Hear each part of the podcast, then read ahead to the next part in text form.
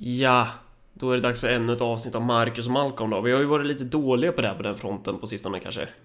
Ja, precis. Man ska inte lita på femårsplaner som sätts helt enkelt. Nej, det har ju varit ett extra jobb för mig och sen så har jag flyttat in, eh, flyttat ihop med min flickvän. Eh, och ja, det är, det är rätt mycket att stå i. Men eh, nu, nu sitter vi här och spelar in.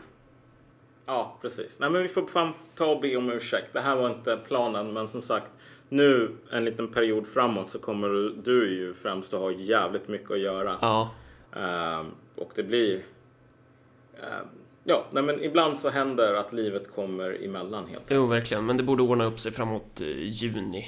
Där någonstans. Ja. Så det vad, vad är det för datum nu? Det känns ju som att vi redan är där typ. Men eh, ehm, vad, vad är det vi ska prata om nu? Vi kommer snack- snacka om lite olika grejer i det här avsnittet. Precis. Det här blir väl gott och blandat lite grann. Ja. Ett par mindre frågor som inte förtjänar sitt eget avsnitt ännu i alla fall. Och sen en stor läsarfråga som återkommer hela tiden. Jo, precis. Eh, och det här avsnittet gör vi ju lite på volley också ska ju sägas. Eh, det här kom ju på för en timme sedan att vi kör på det här upplägget typ. Eh, men ja, det är väl bara att göra. Om vi ska börja med den första grejen så det är den här eh, Jimmy Åkesson-grejen. Att, eh, att folk har kastat ägg på hans hem och smält smällare där. Om man ska säga något Mm. om det. Ja, och jag menar det intressanta, jag tror du skrev någonting om det, eller du nämnde det i alla fall, med den här debatten är ju att båda sidorna är Båda extremerna här i den här debatten Mm. är ju precis lika dumma. Man får ju se, jag, jag skrev en text om det eh, och sen ville Chang in och gröpa lite i det så vi, vi får se hur han ändrar på det men, men min take på det här är ju att eh, att det är jävligt tröttsamt typ. Dels, alltså för att summera det, det är några som har kastat ägg och sen skickat på smällare på eh, hemma hos Jimmy Åkessons familj typ och det är ju Ja, det är väl jävligt onödigt. Men då, båda sidorna reagerar ju så jävla överdrivet. Vissa håller på och skriker om att det är terrordåd typ och demokratin kommer gå under och den andra sidan är bara så här. Åh fan vad rött! Skyll dig själv typ. Eh, och ja, det är bara sånt jävla det- härj liksom. Var det inte någon journalist på TV4 också Jo. som bara hade någon jävla rant om att ja okej men det är så här. Om du snackar skit då ska du få en jävla nit typ. Mm, Och att eh, vill du inte bli avrättad så eh, ha inte dåliga politiska åsikter. Och jag tycker att den sortens attityd är så fascinerande idag att det finns folk som har den. Därför att folk verkar inte fatta att, du vet, turnabout is fair play som man säger. Om du tycker att jag vill leva i ett samhälle där folk som har dåliga åsikter kan bli avrättade för sina politiska åsikter. Då har inte du längre någon så här politisk, praktisk eller moralisk basis för att kunna säga förhindra andra från att typ avrätta dig till exempel. Det enda som du har det är ju ett rent jävla liksom, maktförhållande här. Är det jag som kommer att bli skjuten eller är det jag som kommer att skjuta andra? Men hur många av dem som är, idag håller på att snacka om så här, ja men det är bra, Jimmy är nazist och de borde fan bli utsatta för så här, extra juridiskt våld. Hur många av dem är starka? I bemärkelsen att de här sitter på sitt eget våldskapital så att de kan förhindra att något sånt här händer dem. mm. Ja, I men oftast är ju det bara en social jargong. Och jag, alltså det ska väl sägas att vi har väl varit en del av det där också. I alla fall jag har ju definitivt varit en del av det där. Bara titta på vad jag har sagt och skrivit eh, för några år sedan. Som man ju bara sitter och våndas över i, i någon slags, vad är det ungdomen säger? Man cringear över det. Mm. Ja, men någon gång så måste även pojkrumsvänstern växa upp, Ja. eller hur var det nu? Ja. Vad var det vi var? Jo, precis. Jag har ju fått ett nytt pojkrum nu dock. I den här lägenheten. Det är ju jävligt bra. Men, men eh, ja, nej men verkligen så är det ju. Utvecklingen går tillbaka. Ja, nej, men, eh, men vi har ju dels det här när det gäller liksom våldsyttring. Där tycker jag att det är verkligen chockerande hur naiva folk är. Eller liksom, de kan inte tänka i principiella termer. Nej. Så här. Du vet, om det är en person som jag inte tycker om, ja men då är det bra. Men om det är en person som jag tycker om, då är det liksom ett hot mot allt som är gott. Och samtidigt kan man ju tycka så här. Eh, ja, frågan är ju om, om den TV4-journalisten som skrev det där, eller oavsett vem det nu än är som skriver sånt, sånt där. Oavsett, för att det behöver ju inte bara vara när det är Jim Åkesson som blir utsatt för någonting. Jag menar, det finns ju andra eh, varianter på det. Det är ju Ja. sällan att man liksom menar allvar med det, men det blir ju sånt jävla bränsle i sånt där. Eh, Ja, och- nej, men ord betyder grejer. Ja, Typ. jo precis. Man kan ju i och för sig sitta så här och säga jag tycker att vi borde typ mörda alla jävla äckliga kulturberikare, blattar som bara kommer hit och våldtar. Och de är fan helt jävla liksom ociviliserade, går inte att göra någonting åt Mm. det. Sen de flesta som sitter så på Flashback typ, jag tror inte de menar allvar. Nej. Så att om du gav dem ett jävla, en k-pist och sa här har du liksom 30 barn från Mellanöstern, avrätta dem. De flesta skulle nog säga uh, nej. Mm. Det är inte skäl nog till varför det ska vara en bra idé att hålla på och säga att man borde avrätta dem. Liksom. Men det är ju... Någonting positivt är ju i alla fall att det drar ju klick. Det Ja, det gör kan man det i ju glädjas åt. Ja, om man, om man nu är någon sån här Chang som bara gnuggar händerna mot varje jävla knäck. He is our greatest ally. Låt oss röra oss vidare. Eh, ja, vad är det mer? Jo! Sveriges kommuner kommer ju gå åt helvete, eller det har ju typ redan hänt, bara det att vi inte riktigt fattat att vi har krockat med Risberget för, för ett tag sedan. Eh, och ja, vad, vad, vad tänkte vi säga här egentligen, förutom att... det här, det här Allt borde... gå åt helvete. Ja, och det här borde ju vara några avsnitt i sig, typ med hur svenska kommuner kommer gå bankrutt. Eller hur de i princip redan har gjort det. Och att de är ganska skuldtyngda, om man säger så. Eh, ja.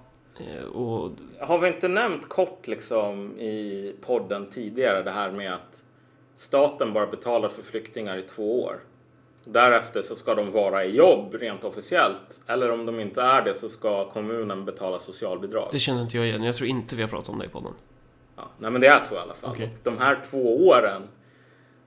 Det, det är inte 2015 längre. Nej. Så ehm, den tiden kommer ganska snart där majoriteten av flyktingarna som kom nu kommer att bli alltså kommunernas ansvar. Och jävligt många kommuner klarar inte av det. Mm, och det innebär då att de kommer inte bli subventionerade från statlig nivå då, kommunerna eller?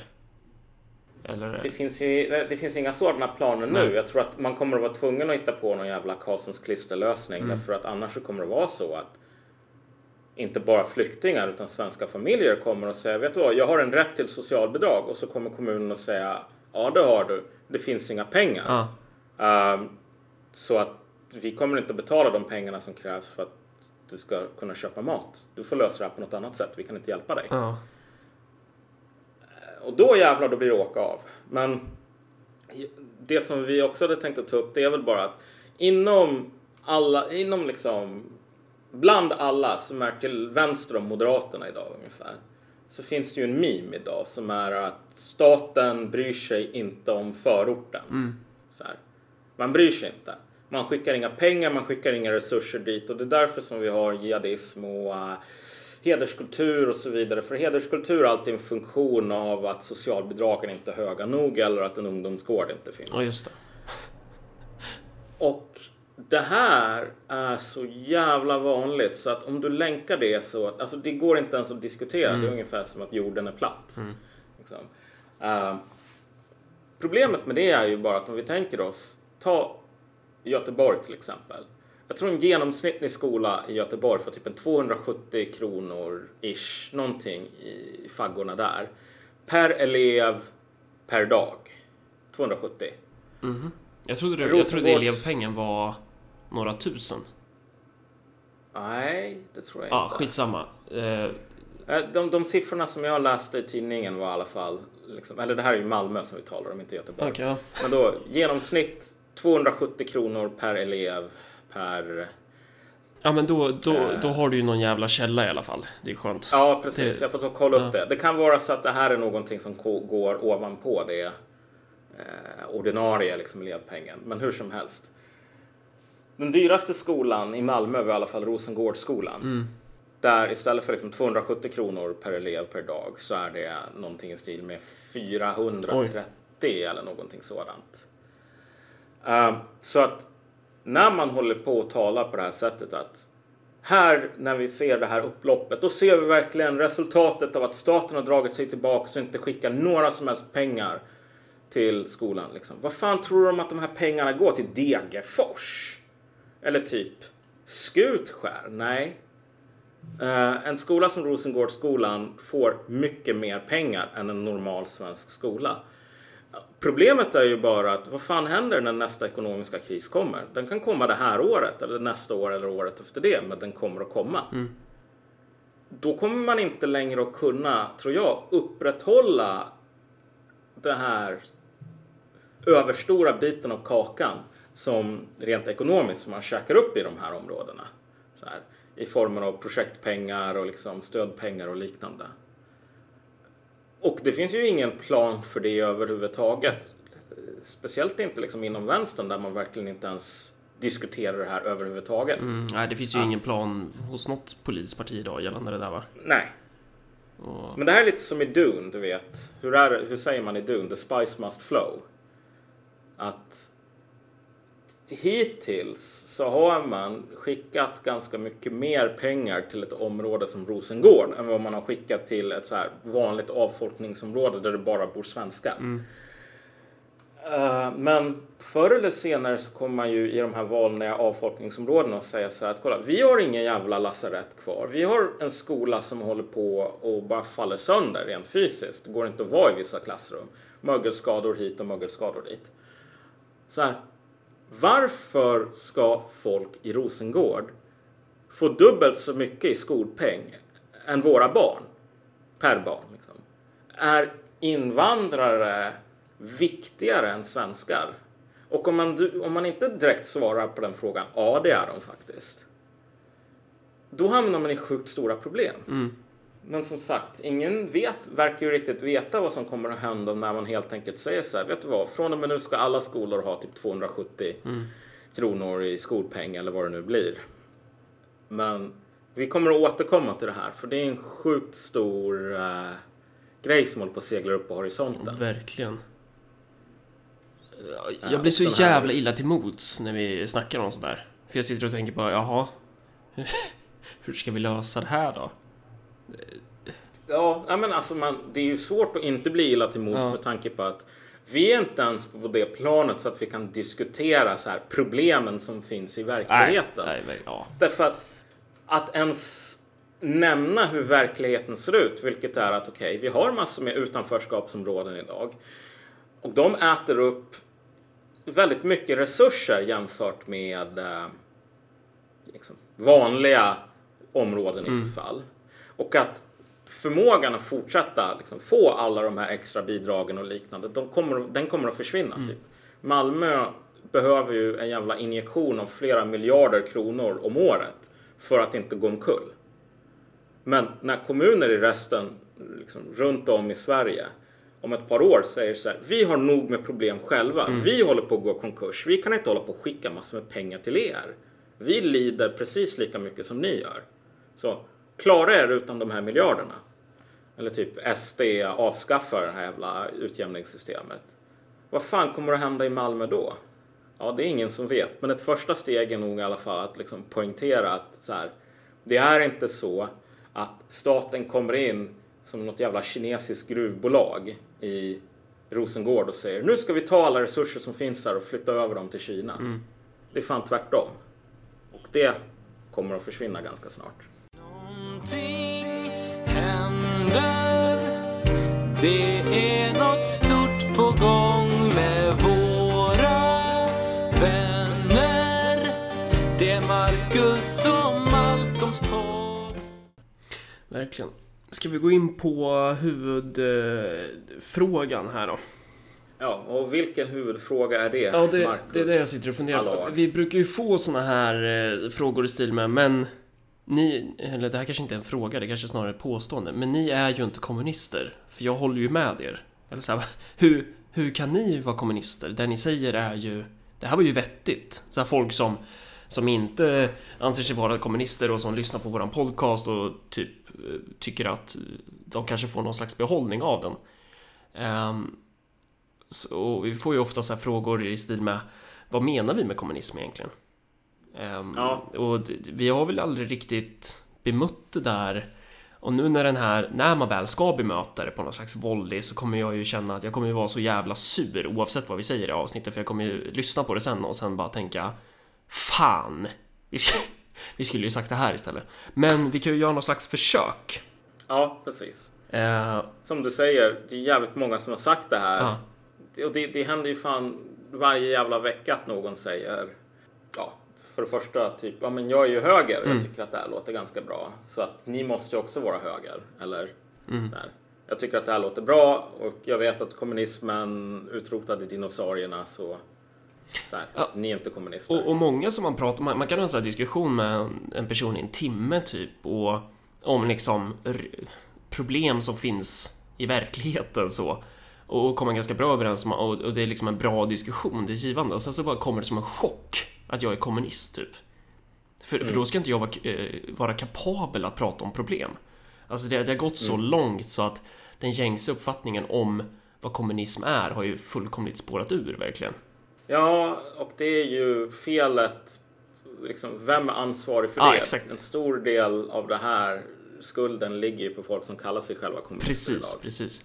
Eh, och om man börjar där då, vad det finns slags, någon slags ursprunglig definition av kommunism. Ehm, om det ens finns en sån. Det kan, det kan man väl säga. Det, det så här, i, i, man brukar väl säga att i övergripande, i övergripande drag så handlar det väl om att man vill ha ett samhälle som inte har klasser. Ja, precis. Och, och, och Ehm, det är ju så jävla intetsägande på ett sätt. Och det som är värt att komma ihåg är väl att så här, idag om man kallar sig kommunist Mm. så finns det ju massor med jävla historiskt bråte och Ja. allting sådant. Men, men så var det ju även när i sån här splittringen av socialdemokratin i samband med första världskriget. Mm. När de på vänstersidan började kalla sig själva kommunister för de kunde inte kalla sig socialdemokrater längre Mm. för de var inte för kriget. Inte ens då var den här termen egentligen ny utan Den så så vitt jag vet så härstammar termen kommunism från 1200-talet. Och det springer Ja. ur någon eh, så här, kristna munkar typ. Att det kommer av en så här, idén om gemenskap liksom. Ja, och det som du har innan, i alla fall på engelska, så talar man om så här communitarianism Ja. och liknande. Vilket är någonting ganska relaterat, men har mer att göra med ja, men, Communitarianism, det är väl ungefär som de här mormonerna, de tidiga mormonerna som bara sa att finns ingen privat egendom, vi är alla jämlika eh, och Därför så ska vi äga allting gemensamt och därför ska regeln en för alla, alla för en gälla och så vidare. Och de var ju fan jävligt hardcore på den punkten. Så här. De tidiga mormonerna eh, var en riktig nagel i ögat för den amerikanska centralmakten. Därför att så Har här, inte vi snackat om det i någon poddavsnitt? Jag känner igen det här. ja, Ja. Ja, men precis. Jag ska inte gå ut på någon längre historisk utläggning, men alltså mormonernas så här, primitiva kommunism, eller vad fan vi nu vill kalla det, gjorde att i en tid där jordbruket var ganska eftersatt på många ställen så var de sjukt moderna därför att de var de enda som var liksom kapabla att gå tillsammans allihop för att bygga typ en damm. Om du bara är en privat jordbrukare som ska försöka bygga så här jävla vattenprojekt liksom, så. Det är för mycket jobb för att en enskild ska kunna göra det. Du behöver kunna gå tillsammans. Men det är jävligt svårt för privata aktörer att göra det. Mm-hmm. Men sen så finns det ju en, en eh, vad ska man säga, en gängse uppfattning om vad kommunism är. Eh, som ju är någon slags syntes av allt historiskt bråte och alla som har kallat sig kommunister och som folk som kanske inte har kallat sig kommunister men som har blivit kallade kommunister och som har gjort si eller så. Eh, kombinerat med eh, nutidens eh, missfoster som, som eh, insisterar på att befläcka detta begrepp. Ehm, och den gängse uppfattningen är väl... eh, ja, hur fan ska man beskriva? Alltså, om, om jag tror att gemene svensk, om den personen får upp så här, om man säger föreställ dig en kommunist, då kommer den personen se en person som är klädd i någon slags grön um, blottarrock. Vad fan heter det? Trenchcoat, en sån. Full med pins. Eh, gärna en, en sån här arbetarkeps som var populär för hundra år sedan. Eh, och så typ, vad, vad, alltså en ful människa. En människa som skriker att den är socialt inkompetent och bara konstig. Och sen så om man då- ska prata liksom åsiktsmässigt så är det ofta en ganska en person som är miljonär, det är en person som, eh, som tror på det stora millenniet, som tror på eh, kommunismen som en utopi, som, ett, som en idealtyp och som är eh, bara intresserad av de stora frågorna i princip, är helt inkapabel att prata om problem här och nu eh, och ja, jävligt verklighetsfrånvänd. Och jag känner ju, alltså, jag beskriver ju mig själv någonstans här.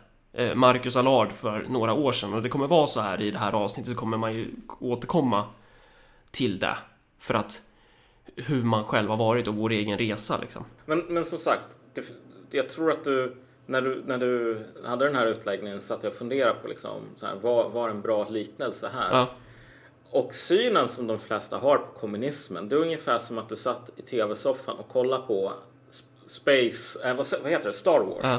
Originalen av Star Wars. Och så ser du typ Imperiet där. Den här väloljade maskinen för ondska och förstörelse. Och sen så här, var femte minut eller någonting så blir det att man klipper in typ ett par minuter från filmen Spaceballs. Som är liksom en parodi på Star Wars. Och där är bara, vad fan heter den? Du har Pizza the Hut och sen så har du någon jävla glasögonorm som är Darth Vader och allting. Och man bara ser ren och skär inkompetens. Så att det blir den här, å ena sidan, kommunister var de här onda mördarmaskinerna liksom. Som bara existerade för att sprida lidande. Och så, så såg ju jag på det innan, innan jag blev kommunist själv. Att man gick ju i svenska skolan och då fick man ju lära sig att kommunismen är ju ett skräckimperium. Det är ju något fruktansvärt. Det gjorde ont i en när man tänkte på kommunism liksom. Det var ju en av de här eh, extremistiska, farliga eh, ideologierna som man skulle lära sig om. Ja, så, så visst, den bilden finns. Men det som gör det så absurt är ju att du ser ju inga sådana kommunister idag. Utan du ser bara den här Spaceballs-varianten. Typ. Och det är ju typ nästan på- värre. Ja. Så, så om du är någon jävla Erik Helmersson på DN eller någonting Ja. så går hälften av tiden åt att beskriva vi kan inte tillåta kommunism för att då kommer alla att dö. Alla kommer att bli utrensade av en så här supereffektiv mördarapparat. Och sen andra hälften går vi kan inte tillåta kommunism för att det här är bara dumma människor som håller på och typ kissar på sig för att någon inte använder ordet hen. Ja. Och det är skitlöjligt. Och jag menar, den enda bilden här som egentligen stämmer överens med verkligheten, det är typ Spaceballs-bilden. Eh, vi ska inte gå in så jävla mycket på det här med riktigt existerande socialism, men jag, jag nöjer mig med att säga så här. Att problemet som finns med folk som ska kritisera så här, realsocialismen idag, det är inte att folk går för långt, utan det är snarare att de inte går långt nog. De tror på något plan att realsocialismen var alltså det onda imperiet i Star Wars, vilket är någonting som George Lucas kom på bara för att det måste finnas en bov. Så då förstår de inte att alltså, alla de här jävla övergreppen och alla misslyckanden och så vidare, de kom inte från människor som tänkte okej, men vet du vad, jag får betalt för att vara en bov. Det är mitt jobb. Det kom från människor som faktiskt trodde på att de liksom jobbade för rätt grej, typ.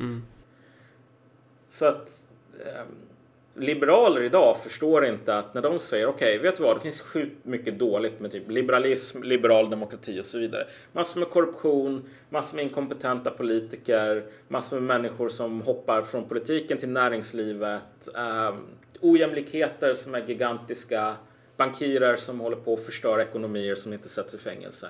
Men själva grundidén är ju bra mm själva grundidén, tycker du inte att de här jävla idealen som vi har liksom, tycker du inte att de är någonting värt? Och det, det där visar ju Malcolm. verkligen på hur man ser på politik i vårt samhälle idag. Att man tänker ju Ja. att det är olika så här ideologiska idealtyper med medföljande me- verktygskit i form av de politiska teorierna och sen så kan man inte gå utanför manus utan är du en kommunist så ska du spela efter ett visst eh, förutbestämt skript och samma gäller för en liberal.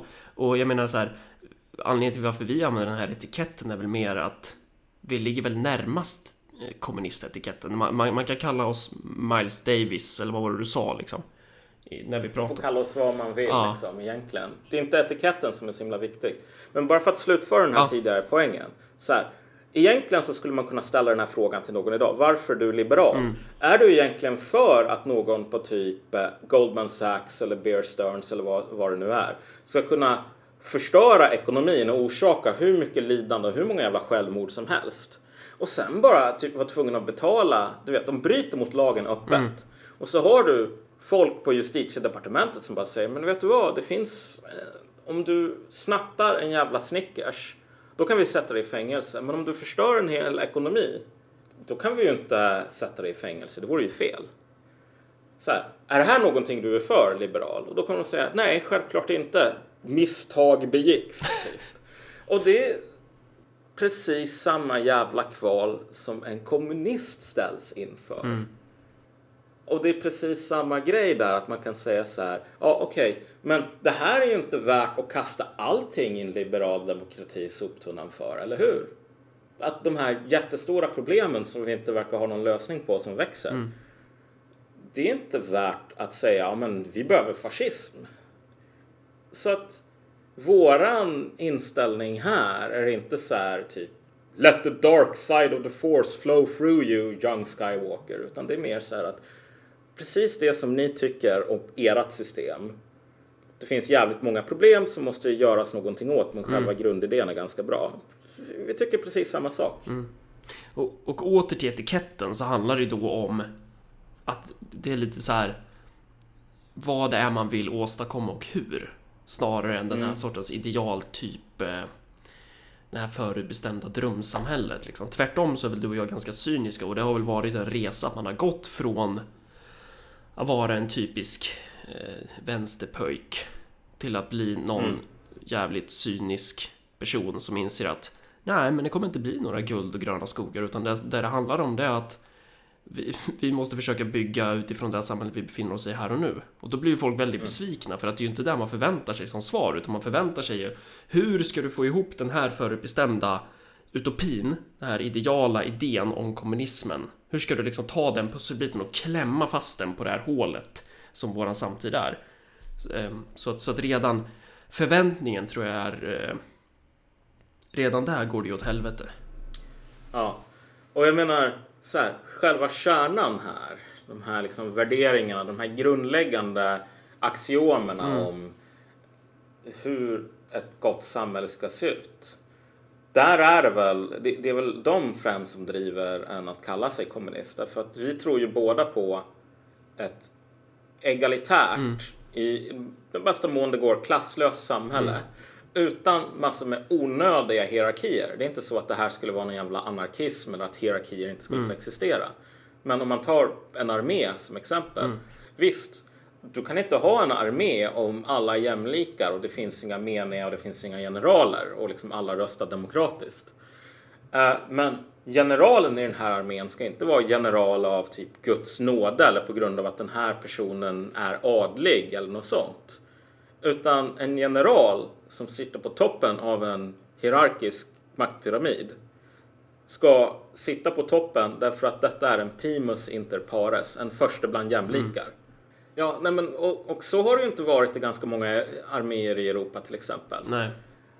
Då har det varit så att okej, okay, om du föds som en viss börd då börjar du som typ löjtnant eller någonting och så kan du bara röra dig uppåt och så föds du av en viss grad så kan du, börjar du som kanonmat. Mm. Sen om du har tur så kan du röra dig till graden under löjtnant. Och, men sen så får du inte röra dig längre. Nej men detsamma gäller ju på en samhällelig nivå. Att, eh, alltså det här med hierarkier och sådär. Och, och när jag får frågan vilka liksom värderingar och, och så här, vad, vad, jag tycker är rätt och fel. Så jag har så svårt att dra en distinktion mellan vad, vad som är så kommunistiskt i mina värderingar och vad som egentligen bara är genuint svenskt, som jag skulle uttrycka det. Är du med här?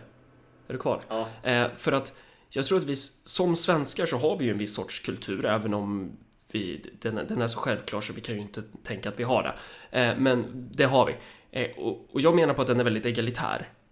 Eh, och jag tror att vi alla bär spår av det socialdemokratiska folkens projektet. Jag menar, vi har ju alla någon släkting som har en ganska stark relation till där man byggde under 1900-talet. Ehm, och vi är färgade av värderingar som jag nog tror att många skulle kunna kalla kommunistiska, även om de kanske inte egentligen är det på det sättet. Så att för att jag menar, man skulle ju säga så här, ja men det här är kommunistiska värderingar och de ser likadana ut över hela världen och det vet i fan liksom. Så att... Ja, nej, så är det. Nej, precis. Så... Och det är ju det som blir också så krångligt då när man ska hålla på och allting ska vara så fyrkantigt hela tiden. Men jag tror att i Sverige överlag så tror jag väldigt många ställer upp på idén om skyldigheter och rättigheter att ja, man ska vara... Det, det, är fel med en sorts hierarki baserad på blodsband. Det, det är... Man ska göra rätt för sig. Vi är jämlika i det här landet. Vi ska vara... Det är någonting genuint gott. Och det behöver man inte så här se sig som en kommunist för att tycka, utan det, det tycker man i egenskap av svensk. I egenskap av mm. en produkt av det här samhället. Jag, jag, vill, jag vill återknyta till en poäng mm. apropå det här med arméer och generaler och liknande och det som du sa tidigare, det här med att man har blivit cynisk med tiden. Mm. Uh, och du skulle väl kalla det här cynisk. Jag skulle väl säga att man har blivit konservativ i ordets gamla bemärkelse från typ 1800-talet snarare än idag där konservativ det är att säga så här. Jag tjänar bra med pengar och jag vill att folk som tjänar bra med pengar, typ jag, ska kunna tjäna ännu mer. Mm. Liksom, jag röstar på Moderaterna för att de försvarar mitt klassintresse. Det är liksom konservativ idag. Det är inte vad konservativ betydde för 200 år sedan. Om man ser till någon som Edmund Burke till exempel. Så konservativ där handlade ju om en människosyn och en syn på människan som inte direkt ond men snarare bristfällig. Liksom. Att Eh, det finns massor med sådana här sidor som liksom, girighet, mm. hat, allting sådant. Eh, viljan att vara älskad, viljan att ha status, sådana saker. Och de är inte så att alla människor behöver liksom, manifestera de sort, den sortens liksom, personlighetsdrag. Men de personlighetsdragen är en, en del av den mänskliga upplevelsen. Så. Du kan aldrig komma bort ifrån dem. Det, potentialen ligger inom varje människa mm. i alla fall. Och det måste man ta hänsyn till i sitt samhällsprojekt. Vilket betyder att en plan som går ut på så här att okej, okay, jag vill bygga det här samhället därför att jag vill att människor ska se ut på det här sättet. Typ. Eller om vi antar att alla människor i grund och botten är goda och gör rätt för sig. Hur ska vårt samhälle se ut?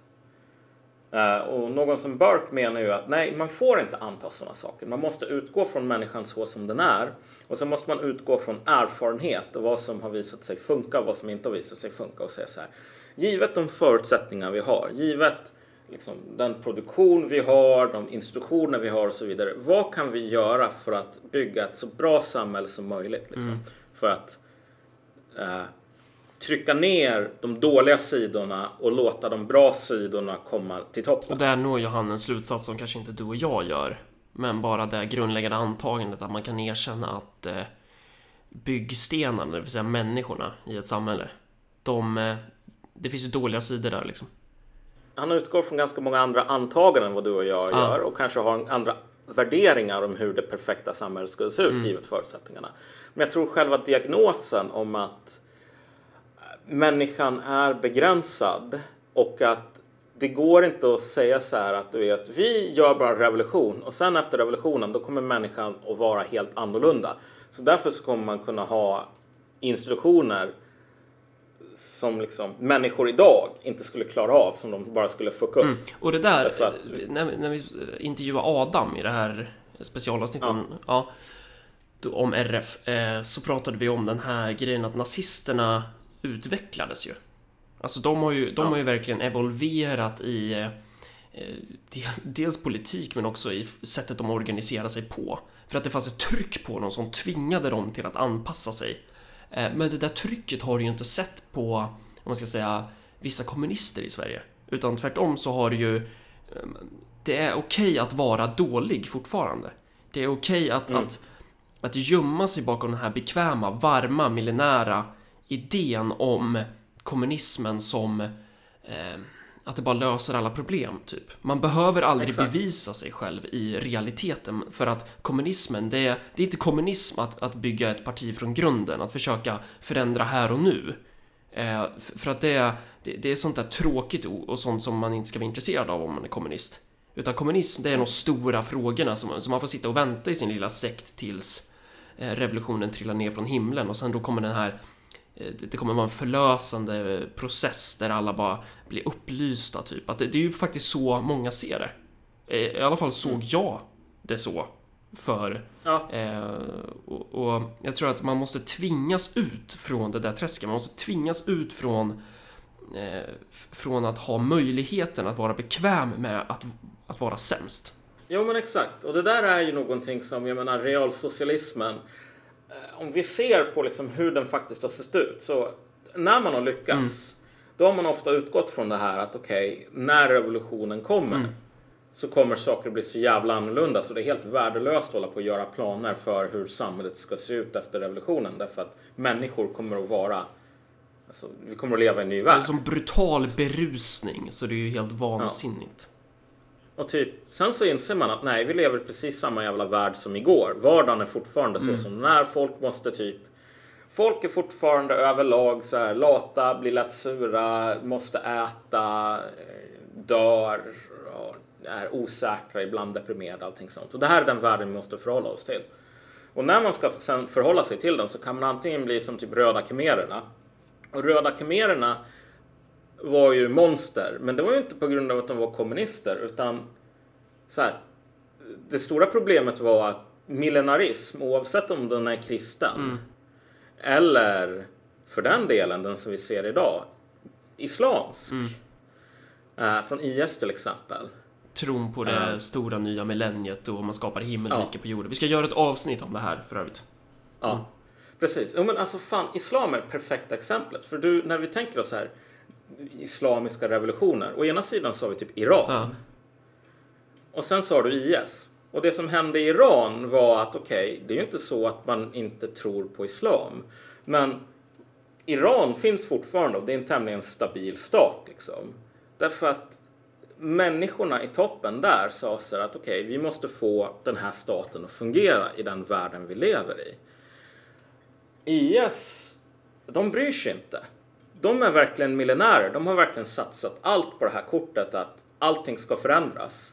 Och så har de massor med så här i deras tolkningar av så här religiösa påbud och liknande så är de totalt, de vill inte kompromissa. Nej. De, det spelar ingen roll om att man måste kompromissa i verkligheten. För att annars kan man inte ha ett fungerande samhälle. De bryr sig inte. Samhället får falla sönder och sen så får man typ avrätta alla som säger emot. Eh, Röda khmererna var på det sättet, men som sagt, du kan vara kommunist, du kan vara buddhist, du kan vara ateist, vad som helst. Men när revolutionen lyckas så ställs alla miljonärer inför ett val. Antingen så kan man leva i vardagen eller så kan man hålla på och mörda fler och fler människor tills man eh, tills det inte finns någonting kvar. Ja. Liksom, I väntan på millenniet. Och du och jag tillhör väl de som ändå tror att oavsett vilken ideologi man har du måste bygga i den här världen och du måste lösa praktiska problem i den här världen. Alltså, det är ditt jobb. Och, och bara den inställningen är ju så jävla sällsynt. Det är ju därför vi alltså så, sitter och tjatar om det här hela tiden, att vi inte vill se oss som en del av svensk vänster. För att det, det är ju motsatsen till hur man ser på saker och ting där. Och det är därför det är så viktigt att göra den här distinktionen. Eh, Och det är inte kanske bara inom vänster utan det är väl må- väldigt många så sektliknande politiska företeelser som är nöjda med att vara dåliga. De är bekväma med att vara att inte ha någon makt och inte aspirera på makt. Men om man menar allvar med det då handlar det ju om att försöka lösa problem här och nu. Ja, och om man ska ge någon, två väldigt snabba konkreta exempel typ på, på, på vad, vad det här faktiskt betyder. Allt det här som vi håller på och harvar om nu i, i, i praktiken. Så när vi talar om armén till exempel. Den röda armén från början var ju otroligt demokratisk och liksom radikal banbrytande och sådär. Man avskaffade såna här, vad heter det, Shou- shoulder pads liksom där du har rangbeteckning och liknande. Och så hade du massor med initiativ om att den här armén ska vara 100% demokratisk. Det ska inte vara några som ger order eller lyder order och så vidare. Sen var man tvungen att avskaffa det där till slut. Därför att alltså, det funkar inte. Nej. En armé med hundratusentals soldater, det måste vara hierarkiskt. Alltså, annars, annars kan den inte göra sitt jobb. Eh, och det var ju, för vissa så var det här ett sorts förräderi liksom, för revolutionen. Men det är så här, om du inte har en armé och Nazityskland knackar på dörren. Då kommer det inte att finnas någonting kvar överhuvudtaget. Mm. Det är den sortens kompromisser man måste göra i verkligheten. Alltså, man måste tänka vad är det som är viktigt och sen så måste man se att så här, du kan inte vägra att anpassa dig till verkligheten, liksom, till, till realiteten på marken. Och den andra biten här är väl, eh, ja men ta det här med typ, går det att skapa ett klasslöst samhälle? Mitt svar, och det här kommer vi få massor med skit för, det är ju egentligen nej. Av den enkla anledningen att människor föds ojämlika. Liksom.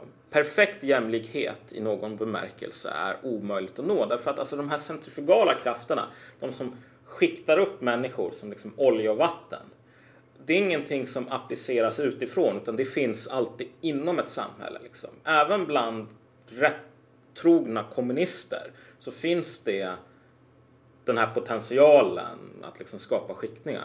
Det som man bör och kan göra här Snarare än att säga så här, men vet du vad, om vi inte har det perfekta klasslösa samhället så dödar vi nog med människor tills vi får det. Liksom. Så är det snarare att säga så här, som amerikanska flygvapnet eller någonting.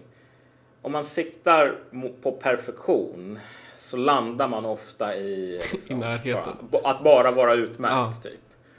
Och det du kan göra är att säga så här, okej, okay, vet du vad? Du kommer aldrig kunna få ett samhälle utan några klasskillnader, utan så här, jag vet inte, politiker, talmannen för riksdagen har mer förmåner än en städare i riksdagen. Liksom sådär.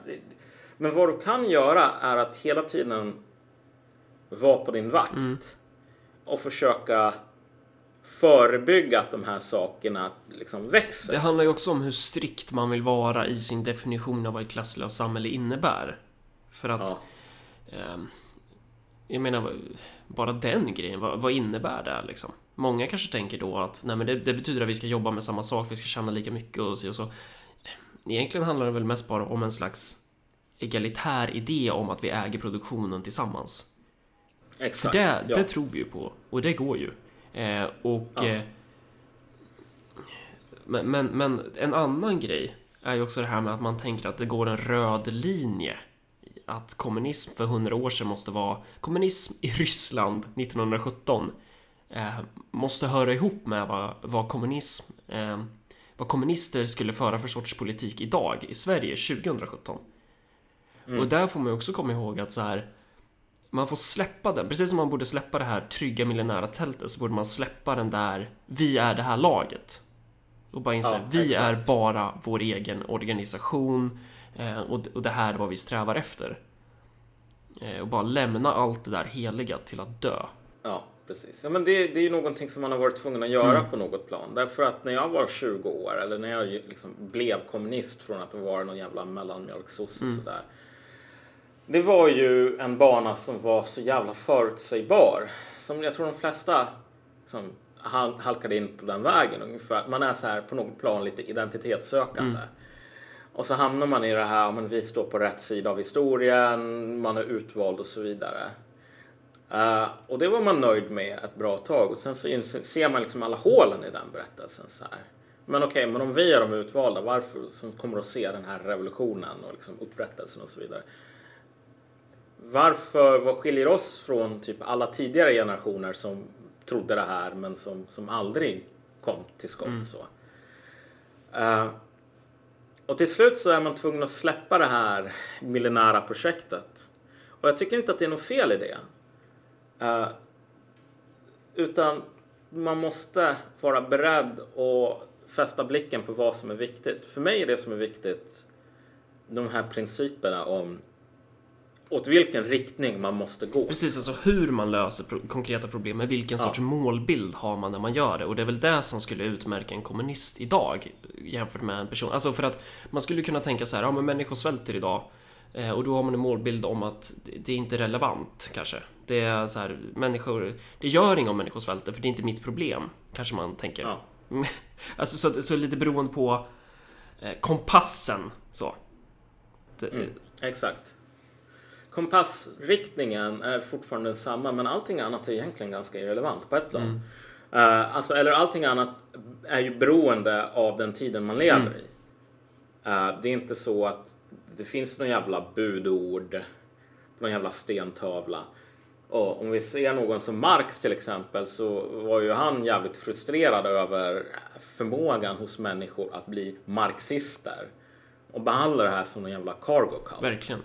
Jag snackade lite med en eh, kamrat eh, i, eh, i veckan gällande jordbruket och hur man liksom ska titta på möjligheter till att kunna organisera det och typ så här hur man ska kunna Alltså väldigt, väldigt övergripande bara, men så här hur ser möjligheterna ut för Sverige att fixa någon slags självförsörjning och så här. Och vid något tillfälle så var det bara så här att han, han konstaterade bara, men eh, jag kanske inte är kommunistisk i min syn på hur jordbruket ska organiseras. Och där har vi det liksom. Att det är så här, det är ju skitsamma. Det viktiga är ju att det fungerar. Mm, exakt. Och här kommer vi till för nu har vi varit inne och på och ältat lite grann så här, men vad, vad menar vi med kommunism? Ja. Liksom, varför är vi det? Och så har vi kom, landat i ungefär att det är kompassen som är det viktiga. Det är inte någon jävla trosbekännelse till vet inte vad, Östtyskland eller vad mm. fan det kan vara. Och det är inte heller någon sån här tro om att vi behöver en revolution med stort R och sen så kommer allting att lösa sig. För det tror inte vi på. Och det är jävligt farligt att tro på det för man blir alltid besviken.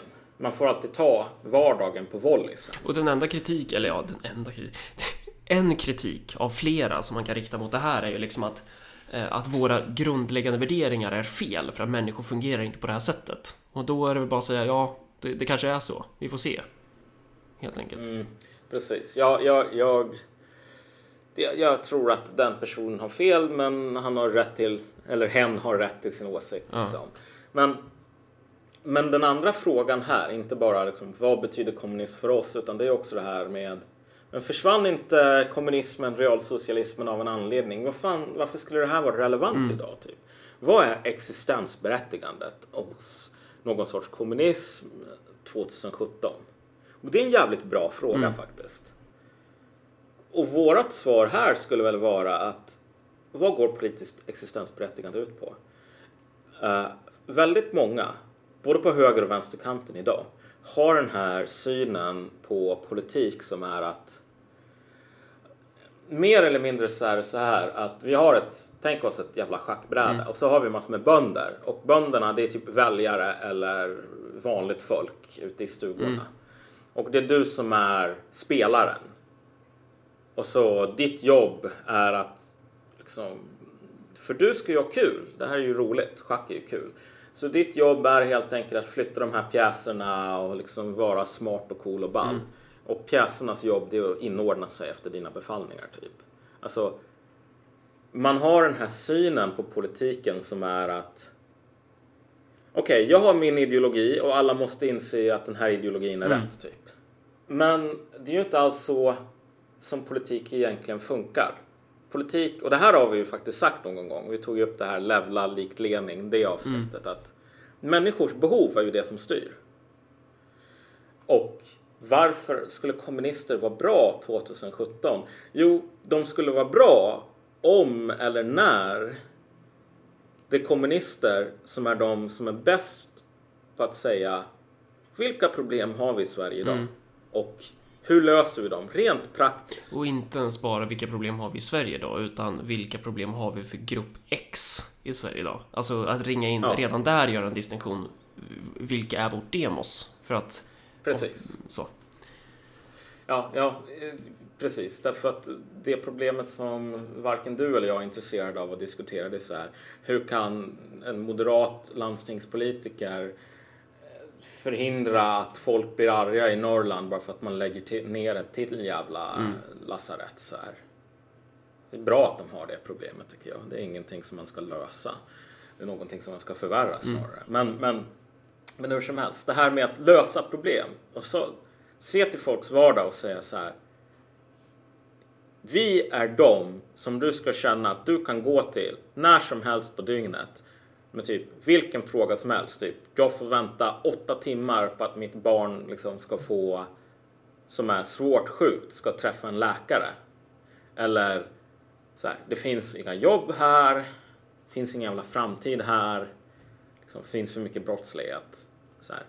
det är sådana tråkiga problem som det är kommunisters jobb att lösa. Mm. Varken mer eller mindre. Och då är ju frågan så här, vad fan gör vi då? Och vi har ju, alltså, vi har ju jättelite att komma med i dagsläget. Det är så här, Ja. Örebropartiet, för det får ju inte heller folk ihop. Va, hur, hur kan man hålla på och, och driva något litet sketet missnöjesparti i Närke som vill sänka politikerlöner och införa fri tandvård? Är det kommunism verkligen? Örebropartiet är kommunistparti och det är det ju inte på, på, på det sättet men samtidigt så kanske man är det på en mer så här down to earth sätt. Men att, att, vad ska man säga? Min poäng här är att det är ganska viktigt att jobba här och nu och det är där det handlar om. Eh, och vi är jävligt svaga just nu, vi har ju ingenting liksom. Men, Nej, men, men tro, hur tror folk att partier byggs Ja. liksom? Så här, om man nu ska ta de här jättefina högvattenmärkena för den revolutionära kommunismen. Så här, hur lång tid tog det?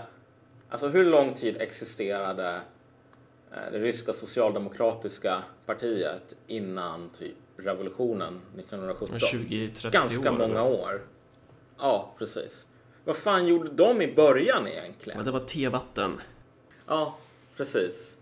Så att visst, folk som håller på och säger så här, men ö, hur kan man hålla på med ÖP? Det här är ju inte ett parti som säger att okej, imorgon så ska vi storma eh, Vinterpalatset och ge all makt åt Sovjeterna. Men liksom, Men det är så you. talande för den här idén om att så är du kommunist då kan du inte då måste du göra på ett visst sätt och en organisation måste den kan inte adressera problem här och nu.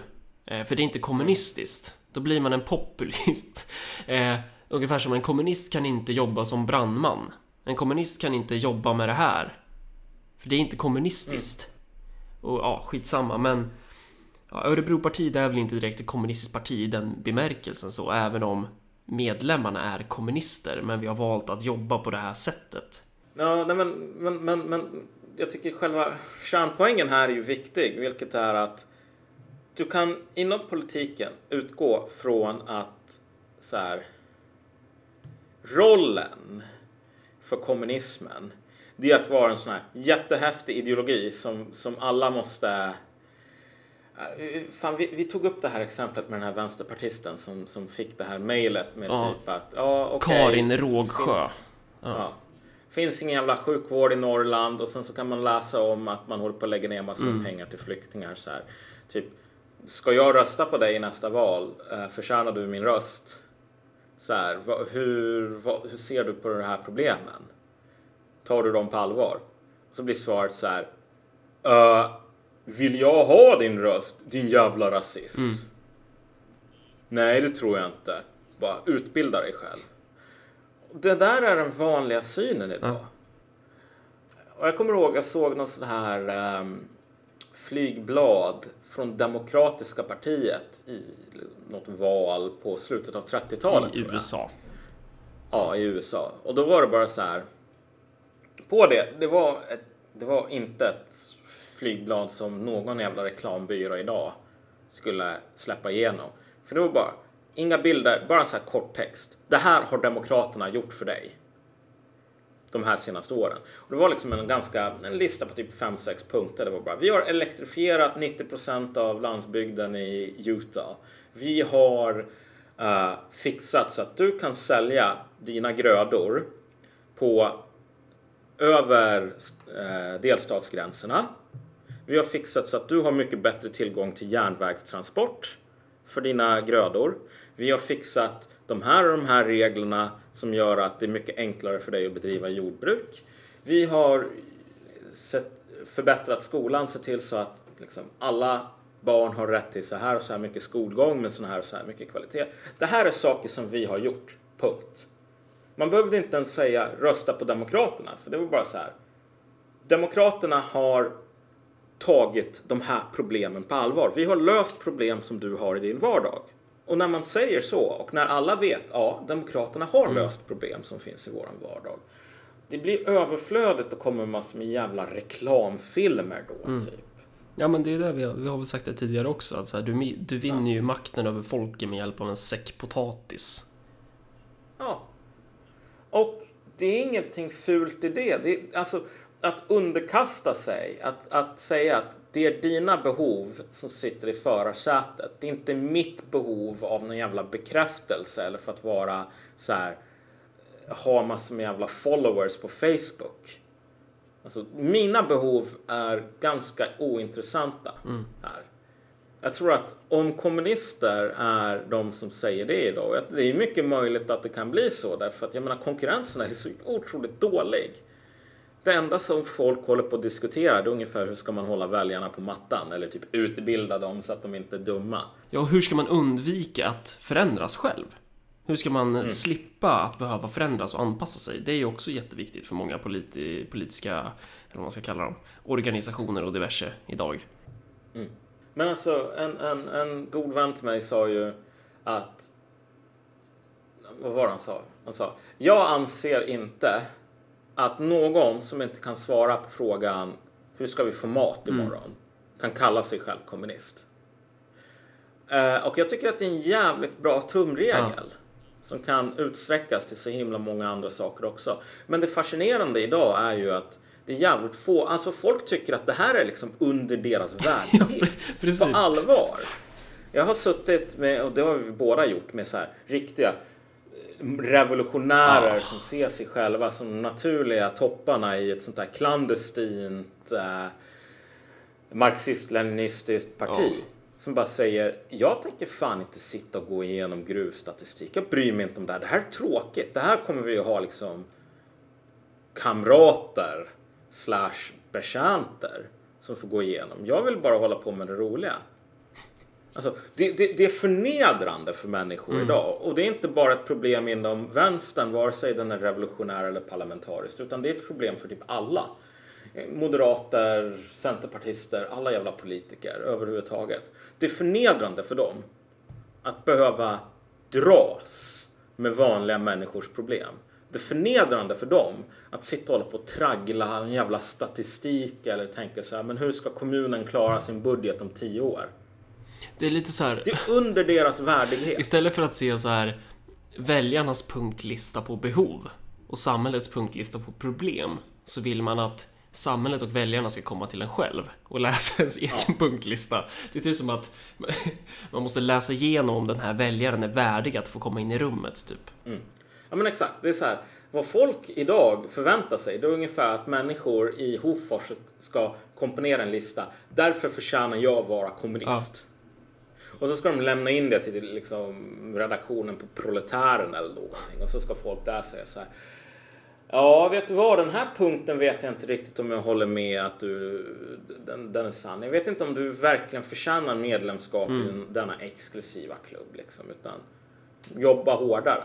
Och det är ungefär samma grej. Jag menar samma attityd som folk har på DN. Man ska förtjäna privilegiet av att vara en, en samhällsmedborgare som vars behov är att ta på allvar. Och hur förtjänar man det pri- privilegiet? Jo, genom att typ tycka saker som man tycker på DN. Det här är inte hur politik funkar. Det här är hur en inavlad aristokrati funkar innan liksom jävla eh, In- vad innan det nu? skottkärrorna fram till Giljotinen kom. giljotinerna börjar rulla. Men och, och den, den andra grejen är det här med alltså, synen på politiskt arbete också. Att, att så här, föreställningen är att det är kul, typ. Att man inte fattar att det handlar ju om att det handlar om att magsåra. Det handlar om att må dåligt och vara bra på att må dåligt. Att, att Ja men det här med, men hur kan man skriva på nyheter idag? Kan man göra det som kommunist? Hur går det ihop? Du är ju kommunist. Det där är ju en... Eh, det där är ju en fascistisk tidning eller vad det nu är. För det första är det ju inte det, men liksom... Eller så här, "Ö, krönikör Göteborgs-Posten. Va? Det går ju inte. Balkom har sålt sin själ till höger som nyttig idiot. Bla, bla, bla. Visste redan från början att det här skulle hända. Vi vet vilken sida han står Mm. Och sen på. göra, göra en dygd av att, att aldrig förändras, att aldrig våga eh, smutsa ner sina händer. Ja. Ja, nej, men det är helt sjukt. Jag, jag förstår inte vad alternativet till att hela tiden försöka stärka sin egen makt är. Alltså, det är, det är liksom, det är ju där man borde tänka på hela tiden. Att försöka få stärka sin makt under dagen, stärka sin makt under natten för att det är den här jävla makten som ska kunna bygga ett nytt samhälle. Och är man inte beredd att göra det, då är man Exakt. bara smuts liksom. Vet du vad? Så här, jag sen ganska tidig ålder har väl haft någon sån här diffus och det här är väl jävla svenska jantelagen och uh, sosse-Sverige som verkligen satt sitt spår liksom. Men man har ju från ganska tidig ålder ändå tänkt att det, samhället ska vara rättvist och det ska vara så att alla liksom, om du är svag ska man inte göra som i Sparta och bara ta med dig till ett jävla stup och kasta dig ut för det liksom, för att så här, svaga ska inte få ligga, finnas här. Men om du tror på de idealen, speciellt i en sån här jävla kristid som vår, där fler och fler människor redan idag bara lämnas och dö. Eh, och där det fan ligger ganska mycket i de här klagomålen på att okej, å ena sidan så köper staten bostadsrätter åt invandrare. För att det är jätteviktigt att de inte får illa. Och sen så bara pensionärer får svälta ihjäl. Därför att de har liksom ingen jävla röst. Jag menar det där händer ju redan idag. Men om du vill förhindra att svaga bara lämnas och dö. Då kan du fan inte vara svag Nej, själv. exakt. Så här, vill du bygga ett samhälle som tar hand om svaga? Svaghet är ingenting som du kan hålla på och romantisera eller hylla. Eller du kan inte hålla på och odla någon jävla slavmoral hos dig själv. Ditt jobb är att typ utrota alla jävla rester av slavmoral och svaghet hos dig själv.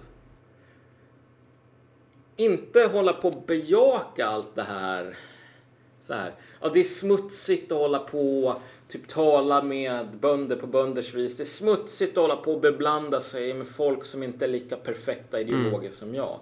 Det här att glorifiera sin egen irrelevans, vilket typ alla på Twitter håller på med. Det är bara så här, ingen bryr sig om oss, ingen lyssnar på oss. Och läser du typ ETC, då är alla artiklar så här.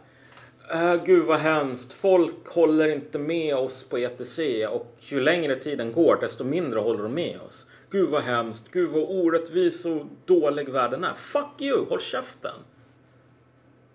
Det enda som spelar någon roll, det är fan makt. Att du behöver samla på dig makt som Joakim von Anka samlar på dig pengar för att du ska kunna bygga ett bättre och mer rättvist samhälle. Och det kräver, alltså det uppdraget kräver ju en brutalt hög standard. Och Ja. Ingenting får vara under din jävla Nej. värdighet här för då, då, då tar du ju inte ditt försvar för de svaga på allvar. Den som vill försvara de svaga måste utrota all svaghet inom sig själv liksom. Därför annars så kommer de svaga Och det gäller ju definitivt organisationsbyggande. Där ju vi är Ja, i ÖP i alla fall. Som ju är jättesvagt, skitdåligt och inte mycket för världen än så länge.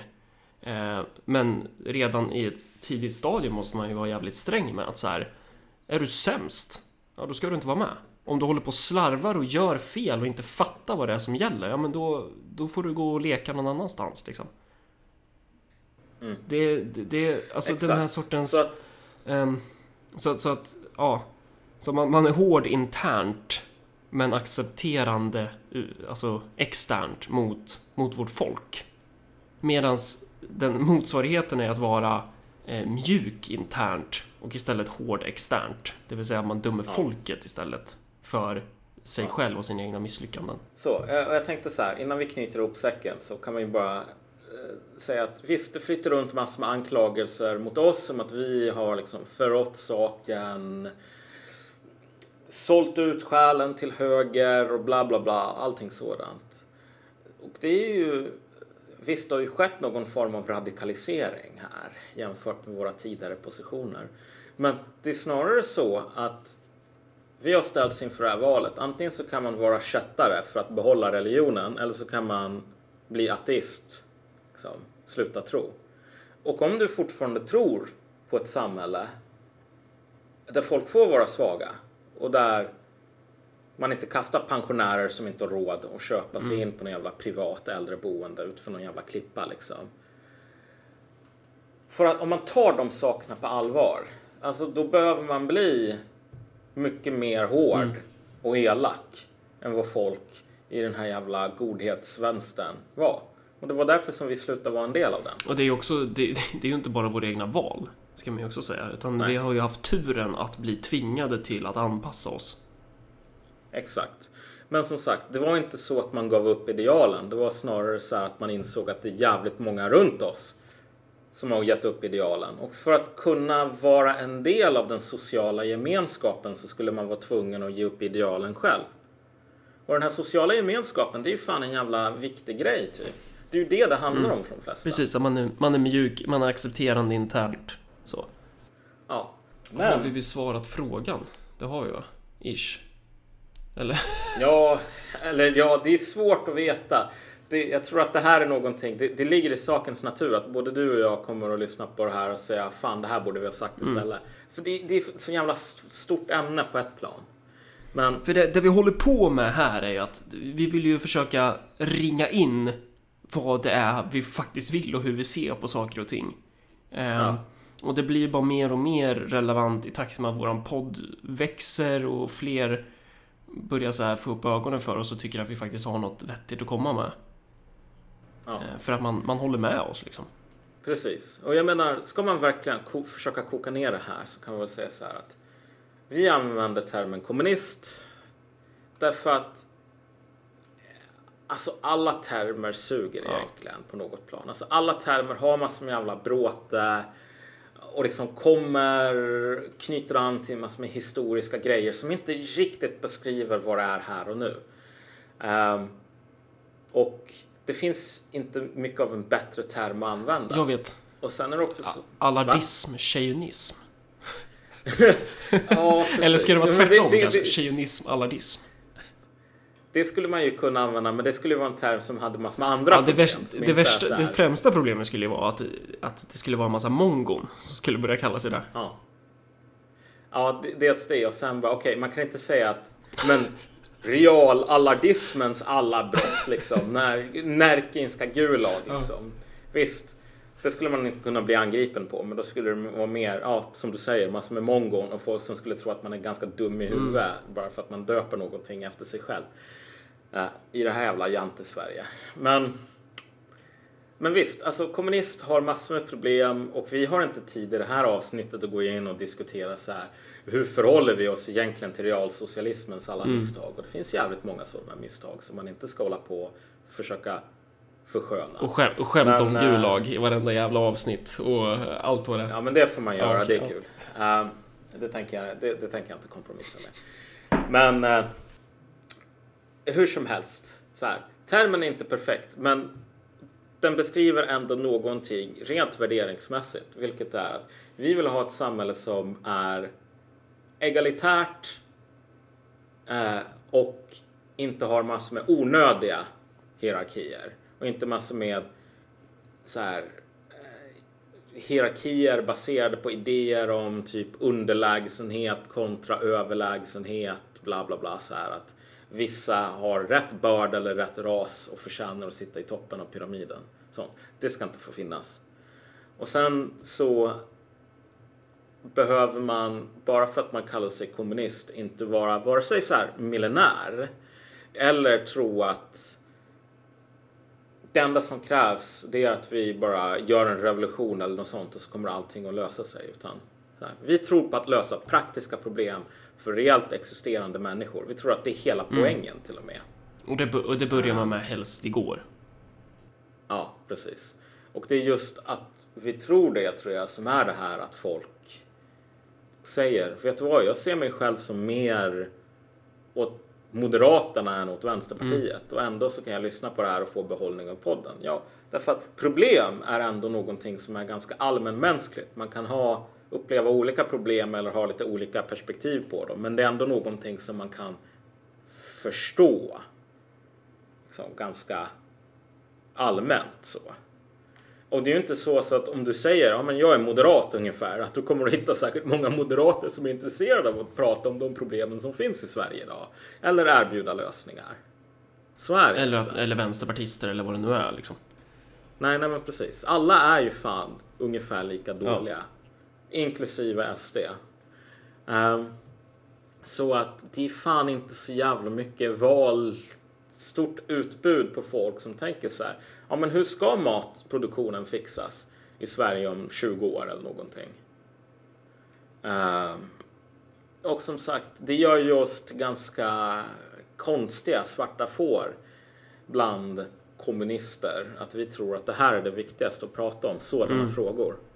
Snarare än hur många kommunistiska änglar som får plats att dansa på ett nålshuvud ungefär. Ja.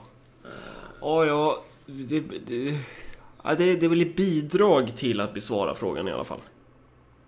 Ja, men vi sätter en punkt ja. här och så tänker jag så kan folk säga men det här fattar jag inte alls. Nej. Och så kanske vi kan göra ett avsnitt på det framöver om det visar sig att det här var en jättedålig förklaring. Uh, men det är alltid svårt att försöka summera sådana här saker. Mm. Uh, så se det här som en ansats i alla fall och ge svar på många av de frågor som har kommit in ganska mycket så här. Men vad fan, hur ser ni på världen? Här har ni i alla fall en hel del av de här pusselbitarna liksom, för att förstå enigmat Marcus och Malcolm. Ja, precis. Um... Ja, fy fan. Vad, vad är det vi tänker härnäst nu? Är det Kina eller är det millenarism? Eller ska jag inte spoila det här i podden kanske? Det kanske är hemligt. Det känns som att varenda ja, men... gång vi säger det här tar vi nästa vecka så gör vi något helt annat. Ja, exakt. Men som sagt, vi har diskuterat det här med att göra ett avsnitt om mm. Kina under en lång tid och sen också ska vi göra, tala mer om millenarism genom historien och kommunistisk millenarism. Precis. Eh, och det ska ju faktiskt mm. sägas att eh, vi spelade ju in ett avsnitt av Kina för mer än ett år sedan men jag kastade det för det blev typ dåligt. Det var något skit. Mm. Eh, så ja. Men, eh, men ja. ja. Fan, nu fick vi poddavsnitt inspelat. Då ska man sätta sig och greja med det här då.